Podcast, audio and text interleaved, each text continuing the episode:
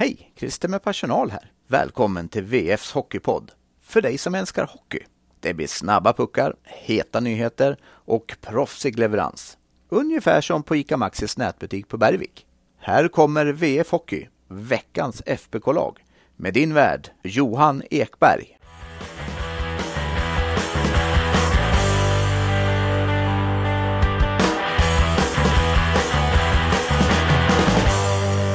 En vecka som kan vara början på en lång, lång vår. Eller kan vara början på slutet. Välkommen till säsongens sista veckans FBK-lag och välkommen till att ta den där pucken hela vägen över mållinjen säger jag till Karl Oskar Lysander.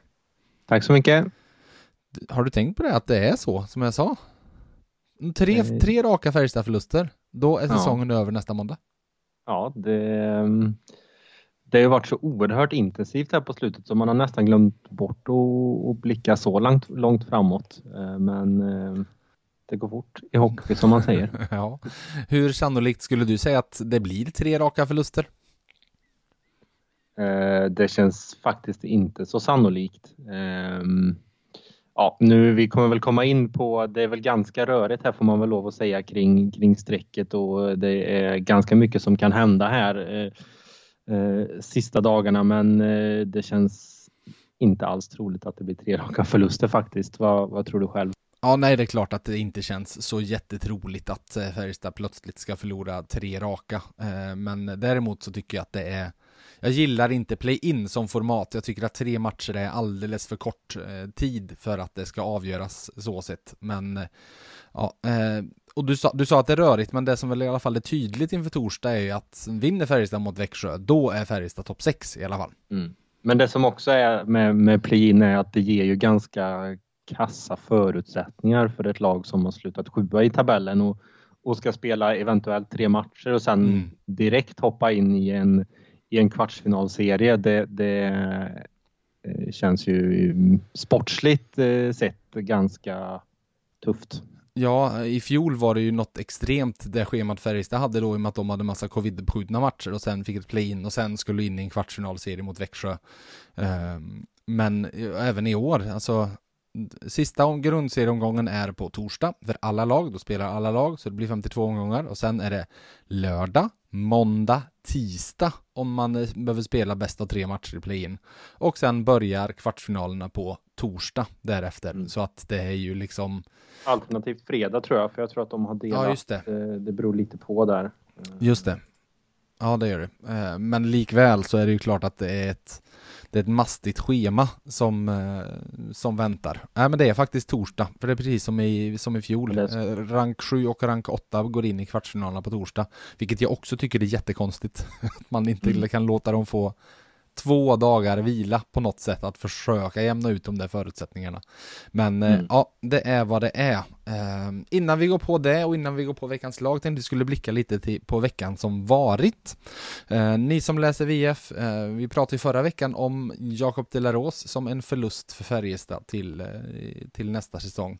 Vi har ju även nu i veckan rapporterat om att Gustav Rydahl av allt att döma lämnar eh, och av allt att döma hamnar i New York Rangers i NHL. Va, hur blev förvånad blev du Lyset?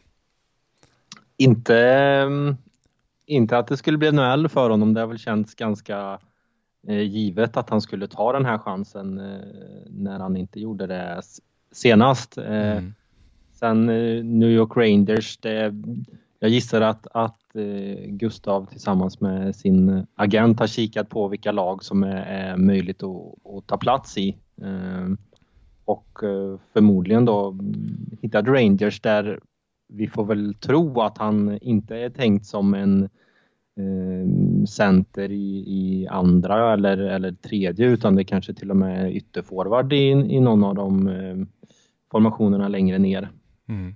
Ja men det känns ju som du, när vi pratar om han, Gustav var ju i samma läge här nu som Joakim Nygård var och så vidare, där, där mm. buden är de samma liksom. Mm. Eh, utan då, då handlar det om vilka som kan ge den bästa rollen. Eh, Rangers ska vi säga ett riktigt bra lag, de har ju överraskat många den här säsongen eh, och ja. fått ihop fått ihop det riktigt bra, framförallt med en sinnessjukt bra målvakt, eh, Igor Sierkin där. Men eh, ja, nej, det är lite förvånande. Men hur ser du på att två av fyra centrar försvinner då, eh, från Färjestad?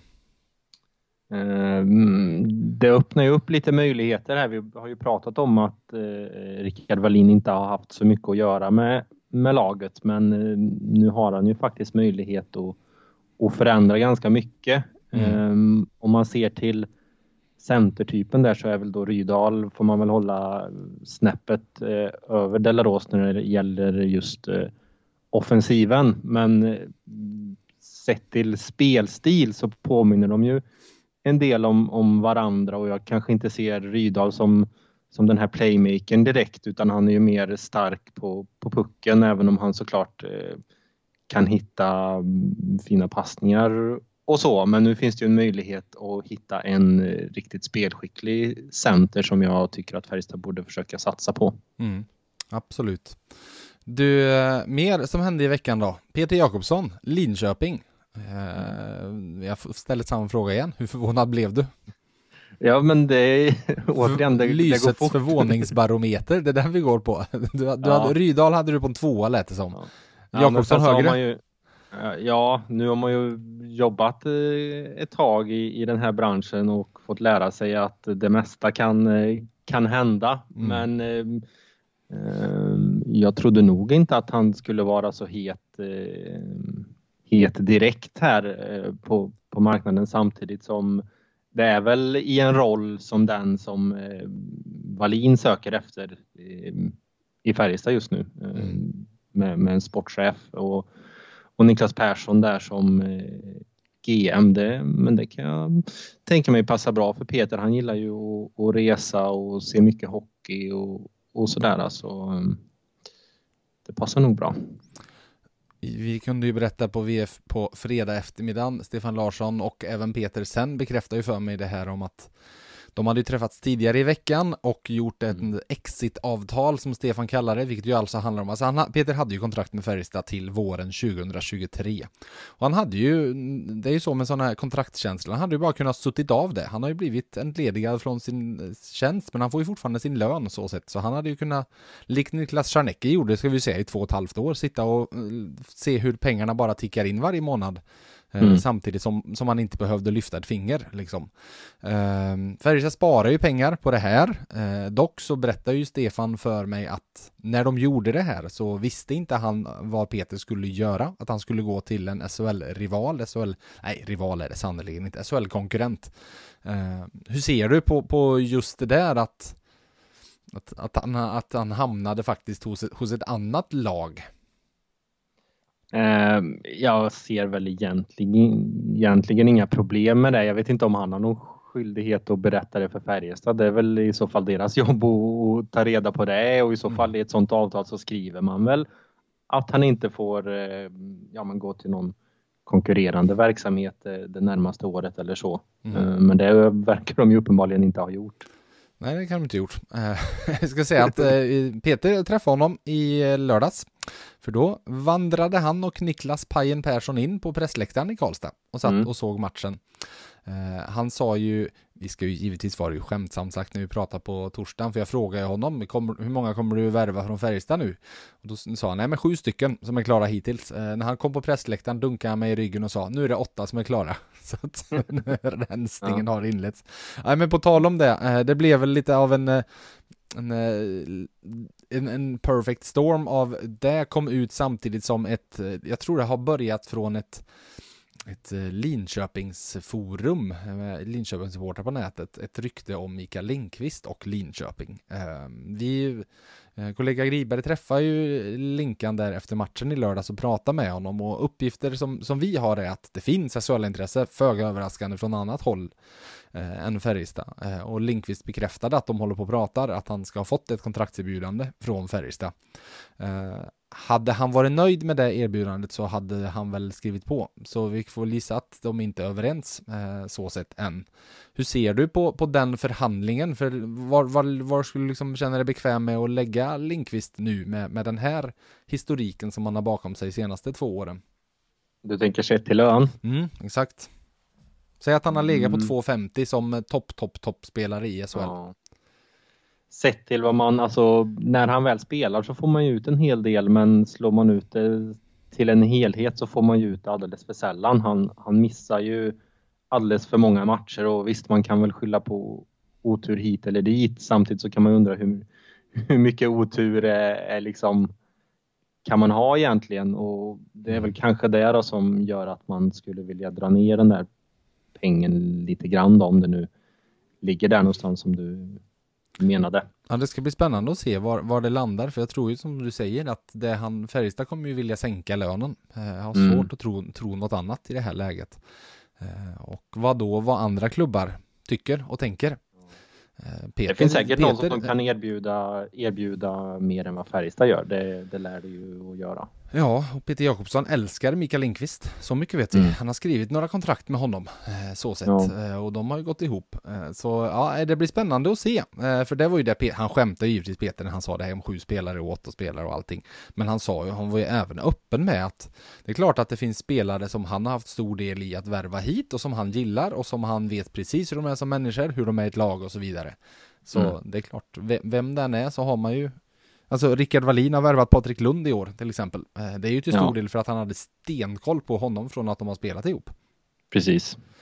Ja, eh, det, vi får se vad som händer. Det blir spännande. Det är eh, mycket, mycket som är på gång. Men in och läs på VF om, om både Peters ord, Mikael Lindqvists ord och lite Rydal och så finns det där. Hallå där! Det väntas ett händelserikt år. Om oss på VF håller du dig uppdaterad. Läs de senaste nyheterna med VFs pluspaket i åtta veckor för endast 8 kronor. Med Plus får du tillgång till allt innehåll på sajten och i nyhetsappen. Läs mer på vf.se erbjudande. Men vi är här för att ta ut veckans FBK-lag och eh, vi ska, och det blir alltså det sista, lite mer om det kommer mot slutet av podden, men det blir sista för säsongen som vi tar ut på det här sättet i poddform. Eh, målvakt ska jag ge er och då blir det Dennis Hildeby. Eh, han och Dominic Furs stod en match var mot SHL-motstånd och jag tycker att Hildeby var bättre i torsdags mot Timrå. Eh, ett ganska hafsigt spelande Färjestad i första perioden framförallt. Det kunde lätt ha varit 3-3 om inte Dennis hade varit riktigt bra. Eh, så jag tyckte han var bättre där än vad Dominic Furs var i, mot Rögle i tisdags. Men Vadå? Nej, nu har jag tappat det, tänker ni. Att nu har jag glömt att Dominic Ford stod i Timrå i lördags. Nej, nej, nej, nej, nej, nej, nej. Det har jag inte. Jag sa att de har stått en match var mot SHL-motstånd. Timrå i lördags, det var snarare ett lag som hade haft fullt sjå med att beta av Viking, Säffle och Karlskoga IK i det kvalserien till Hockeytvåan som precis har inletts. För det var banne med bland de sämre SHL-insatser som jag har sett. Så Hildeby får platsen som målvakt och vi hoppar därmed fram till att ta den första backen. Och vem blir det där lyset? Eh, chocken, Theodor Lennström. What? Mm.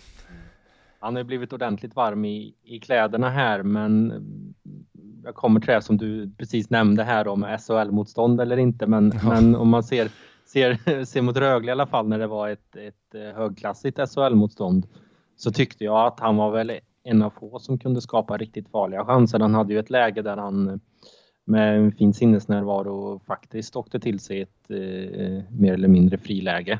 Just det. Eh, mm. Sen mot Timrå då fick han ju ordentligt med utrymme och, och skina ett utrymme som han eh, nog inte får mot eh, ja, i stort sett mot samtliga. på torsdag. Nej, precis. Definitivt inte. Um, men eh, ja, han förtjänar en plats i laget. Han är definitivt eh, den ledande backen och eh, till och med en, en, ledande spelare om man ser till, till helheten här. Det är ju många som eh, gör sin röst eh, hörd där att man ska lasta tungt på, på Lennström. Vad, eh, när vi ändå pratar om de här så kan vi väl eh, nämna det. Vad, vad tror du om möjligheterna att han stannar? Jag tror ju att hade inte allting bedrövligt som har hänt i Ryssland nu hänt så tror jag redan han var klar för en fortsättning i KL. Mm. Eh, men allt, alltså spelare har ju suttit på kontrakt nu som bara har strukits och man har åkt hem och så vidare så att ingen vet ju någonting.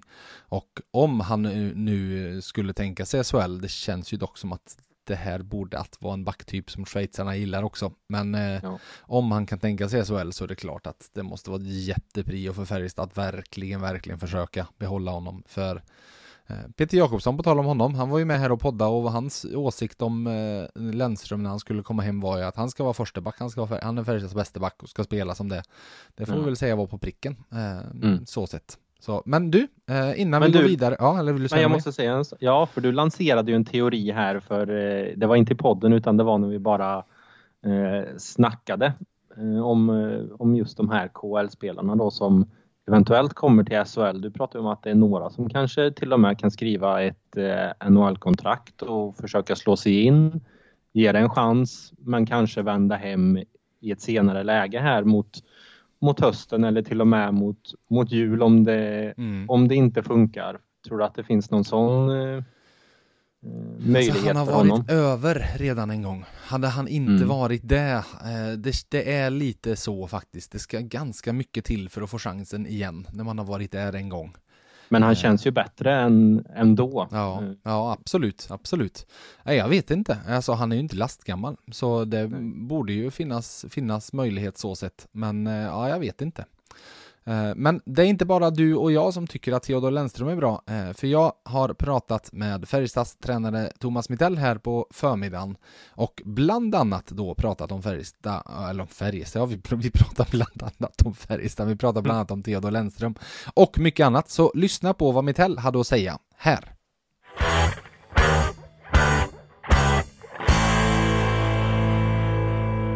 Thomas Mittell, ni gick från eh, dubbla segrar mot Timrå och fick några dagar utan matcher efter ett intensivt schema. Hur, hur, hur, hur intensivt har det varit sista veckorna? Eh, nej men det har det ju, det har varit väldigt intensivt måste jag säga. Men det känns väl nu senaste dagarna här och de här dagarna som kommer att vi, eh, vi kommer få lite mer lugn och ro och få till lite rutiner här och man börjar lära känna folk bättre och bättre. Så att eh, det blir väl välbehövliga dagar och, och, det blir bra att få träna lite här innan, innan Växjö och eh, slutspel drar igång på ett eller annat sätt. Mm, exakt.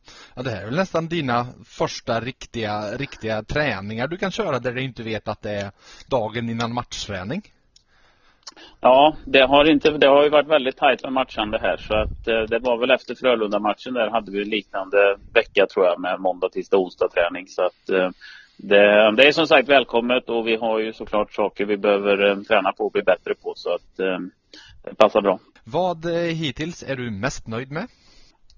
Nej men jag tycker att vi har fått till en struktur utan puck över hela banan egentligen mm. som känns eh, tryggare. Och att vi upplever att vi behöver inte stressa lika mycket i spelet när vi när vi kan försvara oss på ett hyfsat strukturerat sätt. Så att det tycker jag väl är den största Ehm, förbättringen, om man säger. Så att eh, spelet utan puck över hela banan, att vi börjar få någon form av trygghet där och, och kan spela på ett eh, kontrollerat sätt men ändå inte passivt. Um, så det, det, är jag nöjd med och sen har vi såklart um, detaljer som behöver bli bättre i det spelet och um, i spelet med puck också. Men, uh, ja, du sa att ni har saker, saker att jobba på. Vad är, det du, vad är du landar i där? Att, att jobba på, vad är det du lägger fokus den här veckan på? När ni har några uh, Ja, nej men det är väl det är ju fortfarande spelet utan puck där vi vill bli ännu bättre. Mm. Eh, och sen blir det ju också lite lite urspel och lite spelvändningar ska vi väl också fokusera på även om jag tycker det har sett bättre ut på, på slutet. Så, men men ju, ju bättre du blir ju mindre blir detaljerna liksom. Men det är mm. detaljerna som spelar roll på något sätt. Så att eh, vi, vi kommer eh, träna på lite av varje faktiskt. Men, eh, men det blir eh, en del egen zon, en del eh, hemgångar och lite sådana här eh, små detaljer som kanske inte gemene man eh, ser. Men som du njuter av? ja, som vi tränare tycker behövs. du, på tal om att se bättre och bättre ut. Theodor Lennström ser väldigt bra ut. Ja, han eh, har spelat väldigt bra på slutet, absolut. Och jag tycker att han har lugnat ner sig lite i spelet och spelar under med mer, eh, med mer kontroll och spelar mer ett lagspel som vi vill spela. Och då tycker jag också att han har fått eh, synas mer individuellt. Eh, jag tyckte första tiden att, att han kanske, han ville visa upp sig. Och han var ju också ny, ny tillbaka i Karlstad så han ville ju såklart visa sig från sin bästa sida men att det nästan blev för, för mycket höll jag på att säga. Utan nu tycker jag sista sista veckan, sista veckorna kanske från ja, Örebro-matchen kanske och framåt att, att han har haft spelet under kontroll och tagit mycket bra initiativ så att han, han har tagit stora kliv eh, framåt och hittat en bra nivå på hur, hur han ska spela tycker jag. Mm. Du till sist, eh, hur är eh, med avgörande precis runt, runt knuten, hur är skade och sjukdomsläget då? Så Mattias Göransson spelar ju inte i lördags till exempel. Nej, Göransson är fortfarande sjuk. Mm. Eh, och Forsell är sjuk också i samma febersläng som de andra har haft. Eh, Göransson hoppas vi är tillbaka imorgon tisdag. Mm. Eh, och Forsell blev sjuk i natt då, så att han är väl några dagar bort skulle jag tro. Så att eh, jag räknar med att Göransson kan träna tisdag, onsdag och är uttagningsbar till torsdagsmatchen. Och just det. Och, och, Martin Johansson var ju med som trettonde och spelade lite här i lördags. Så nu, nu är han good to go så att säga. Ja, precis. Så att han kommer ju må bra av de här tre träningsdagarna också och få köra på med lite kontinuitet här. Så att, um, ja, nej men det ser väl relativt bra ut på skade och sjukdomsläget. Mm. Det, det, det, känns som ni nästan har två åttondelsfinaler. Det är en på torsdag där ni kan spela till en, en topp 6-plats och så sen annars så får ni inte chans till. Ja, jo precis. Men eh, tråkigt tränarsvar är ju att vi tar, vi tar torsdag och ser till att göra allt, allt vi, vi kan för att, att ta tre poäng där. Så att eh, det är där eh, fokus är nu.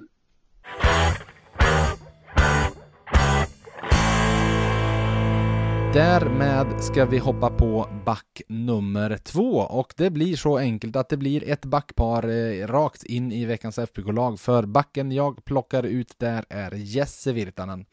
Eh, jag tyckte de såg lovande ut första matchen de hamnade ihop mot Leksand. Eh, jag skrev därefter att jag hade tyckt det varit intressant att se dem fortsätta ihop och att det kanske vore läge med Wikstrand och Joel Nyström igen. Och precis så blev det. Eh, inte så mycket tyckte jag det för att Wikstrand Virtanen var en dålig kombo utan väldigt mycket för att jag tycker att Wikstrand tillsammans med, med Joel Nyström är en bättre kombo än vad Lennström och Nyström var. Nu har Färjestad i de två, det ska, det ska ju vara deras två toppbackpar när vi går in mot slutet nu. Det är de två som ska leda, de ska spela jättemycket. Uh, för det är där stabiliteten ligger. Så Jesse Virtanen tar en plats i veckans FBK-lag. Uh, då hoppar vi framåt då till forward, vem har vi som första där? Uh, per Åslund. Mm. Prenumererar på en plats i, i veckans lag just nu. Jaha, men ja. men han är ju otroligt bra och eh, när slutspelet kommer här så är det ju Åslunds bästa tid ofta. Jag tror att han kanske kan bli ännu bättre mm. och eh, ja, Färjestad vill ju själva inte kalla det för en första kedja men det är väl lite där de har hittat i Nygård och Rydahl och Åslund ändå. Um, vilket fick mig att fundera på om Åslund någonsin har varit en del av en då så kallad första kedja. Um, har du någon? Alltså det beror ju på hur du ser det. Alltså, mm. han spelar ju med Jörgen Jönsson och Peter Nordström där, men det var ju inte när de var som absolut bäst kanske. Sen jag vill minnas att ju... de inte riktigt var. Nej. Det fanns väl eh, Men sen har han liksom varit, han har ju varit del i ledande kedjor, eh, mm. verkligen. Alltså det finns den klassiska dribbelkedjan med han Micke Johansson och Fabian Brunström till exempel som var jättebra. Ja. Han har varit med i någon Dick Axelsson-formation också som har fungerat riktigt bra. Eh, så det, det beror väl på. Eh, jag, jag, tycker att Färjestads eh, kedjehierarki kanske inte alltid de senaste tio åren har varit lika tydlig som när Jönssonligan fanns och var liksom etta, Nej. etta. Så ja, ja, skulle jag nog vilja säga eh, ändå att, att det har hänt förut. Men jag håller med dig. Eh, och forward nummer två jag tar ut är det var kanske den som var nästan tillsammans med Lennström mest given i veckans FBK-lag för Joakim Nygård, givetvis. Vi var ju och träffade FBK-fans där i entréhallen innan Timrå-matchen och då kom det fram en kille och sa Är Nygård klar för veckans lag redan eller? Oh, ja, jo, det, det var han. Det, det, gör man en sån där insats som man gjorde uppe i Timrå på torsdagen med fyra poäng, då ska det ju mycket till för att man inte tar en plats. Eh, och de var riktigt bra även på lördagen och gjorde, jag älskar det första målet de gör där. Eh, otroligt, otroligt fin eh, och, välbehövlig första kedja. Eh, jag mm. skrev om det och pratade om det på jumbotronen om det här med att allt, alltid när man lägger ett pussel så, så börjar man ju med kanterna. Det är det enklaste att lägga kantbitarna. Och, eller framförallt så blir det väldigt mycket enklare att lägga allt i mitten när man har lagt kantbitarna. Och lite så kanske de här kan vara, att de ger lite ramar till det här. Att det här är loket som drar det på forwardsidan. Eh, mm. Att, att veta att de löser det. Okej, okay, de håller den nivån. Då är det upp till oss andra snarare än att det är i ett brett lag så finns ju alltid problemet att det kan landa i ja men är det vi eller ni eller vem gör det och så vidare. Eh, utan det här är ettan. Eh, Joakim Nygård, nytt personligt poängrekord i veckan. Eh, första gången som senior över 40 poäng och han är eh, typ 17 plats i SHLs poängliga. Så jätte, jättefin säsong. Färjestads mm. bästa spelare den här säsongen skulle jag säga. Eh, forward 3 då, vem har vi där? Oskar Lavner. Mm, du gillar Kil? Ja, vi kör på mm. kilspåret. Nej, men det är ju många som har fått sett eh, ganska bra ut här mot, mot Timrå men, eh, men nu får Lavnen här eh, kröna de här två matcherna med, med ett mål i varje. Jag tycker han visar att han trots allt har ett rätt så bra skott. Och, ja, riktigt och fina mål, båda två. Ja, mm. ja, verkligen. Och farten har vi ju sett förut så eh, potential till något mer än en liksom brunkare, det ser man ju att det finns. Eh, hos honom även om det är liksom farten och, och rivigheten som jag tror att han, han just nu kan ta sig eh, längst på. Mm. Ehm, så sett. Eh, men den formationen har ju hittat sin, sin roll där och jag tycker att rollerna överlag börjar sätta sig rätt så bra som vi var inne på med, med formationen med Nygård och, och Rydahl och Åslund där. För det har varit ganska mycket fram och tillbaka med formationerna under under säsongen och även mm. som Nygård sa här i, i fredags att de börjar hitta en identitet. Mm. Um, och, och, just det här att det har varit svårt, det har vi varit inne på förut, att det har varit svårt att hitta rollerna um, med så många spelare som nästan alla har varit vana att ha en, en ganska stor roll. Mm. Uh, men nu kommer du behöva hitta liksom något, något mellanting i, i det. Mm. Ja men absolut, absolut. Eh, du, där var vi klara med de sex spelarna i veckans lag. Ni ska få ett utropstecken och jag har tittat på lite siffror och eh, hittat någonting som verkligen stack ut. Vi har pratat om Färjestad och tekningar den här säsongen ett antal gånger och då ofta med rubriken att det här ser inte så bra ut. För det har det ju inte gjort sett över hela säsongen. Ehm, för att trots att man i anfallszon är, totalt sett över hela säsongen, är femte bäst i SHL eh, så är siffrorna i egen zon klart sämst, vilket gör att slår man ihop dem då är Färjestad sett över hela säsongen näst sämst på att vinna tekningar i SHL. Men senaste tio matcherna, alltså någonstans där runt Mitell klev in, så är man femma totalt. Eh, fortfarande starka offensivt, där är man fyra eh, i offensiv zon. Eh, men framförallt tittar vi defensiv zon, femma i defensiv zon och eh, 40,84 är procentsatsen i antal vunna tekningar i defensiv zon för Färjestad den här säsongen. Senaste 10 47,98, alltså nästan 48, nästan upp med sju stycken procentenheter där. Eh, så anmärkningsvärd skillnad. Jag vet inte om det är Thomas Mittell som kommer in med något tips eller om det är tillfälligheter eller om det är tekare som får bättre hjälp av forward som kommer in och hjälper till att vinna teket. Men eh, något gör Färjestad bättre för skillnaden är anmärkningsvärd faktiskt. Mm. Ehm, frågetecken, vad landar du på där? Mm, jag har skrivit en rubrik här som heter Var hamnar FBK?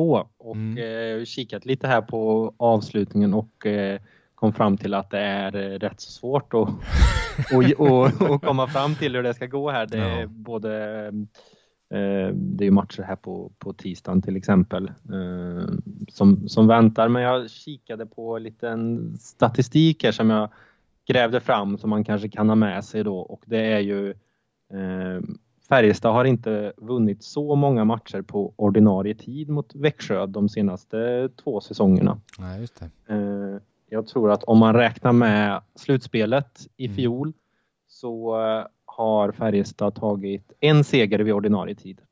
Ja. Eh, men de har ju inte då förlorat de andra utan det är väl den här säsongen så har de väl två straffvinster mot, mot Växjö och i fjol så tror jag att man hade en straffvinst och då eh, ordinarie tid vinst också. Mm. Eh, men det, det kanske kan ge en att det avgörs på, på tisdag hur det går Oskarshamn-Växjö då med andra ord? Nej, men jag säger att man kanske inte ska räkna med tre poäng för, för Färjestad i alla fall. Um, sett till hur det sett ut innan. Eh, Men vet du vad det faktiskt, eh, nu ska vi se, säg att Växjö vinner då mot Oskarshamn, då är de uppe på 83 Mm. poäng. Eh, då är Mm. Färjestad två efter, nej då måste de ju ta tre poäng. Eh, men säg att Växjö skulle ta två poäng mot Oskarshamn och vara uppe på 82 poäng. Mm. Eh, då, kommer, då har de ju plus ett i målskillnad, för då har de ju vunnit med ett måls marginal i så fall. Och då har Växjö plus fyra i målskillnad. Och Färjestad har ju faktiskt nu, den har ju fixat till sig lite den där Ja, målskillnaden. lite. Mot- slutet här, Timrå-matcherna har betytt mycket där. Så nu är man faktiskt plus fem, har faktiskt just nu bättre målskillnad än Växjö. Så Mm. ja, det blir spännande. Men däremot så ligger ju Örebro där bakom också och deras målskillnad plus 23, den är de ju inte i närheten av. Eh, Och Örebro, Nej. vinner de sin hängmatch mot eh, Linköping borta här på, på tisdagen, då är ju de ikapp och förbi Färjestad. Så eh, det blir väldigt, väldigt spännande. Men eh, Örebro har ju som sagt, de har Linköping där och sen har de Skellefteå i sista omgången.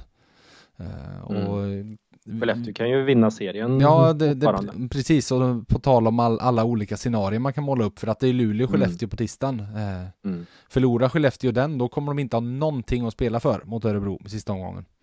Nej. Vinner de den så kommer de att ha en serieseger att spela eh, om i sista omgången och så vidare. Så att det är eh, mm, många scenarier kan man måla upp för det som ju som sagt väntar är ju då Växjö på torsdag i sista grundseriematchen. Eh, det vi vet definitivt som sagt är att en trea i den matchen gör att Färjestad slutar topp 6, eh, kanske till och med femma.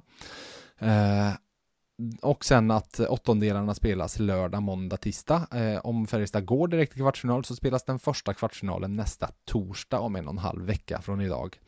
Så spännande ska det bli, eller hur?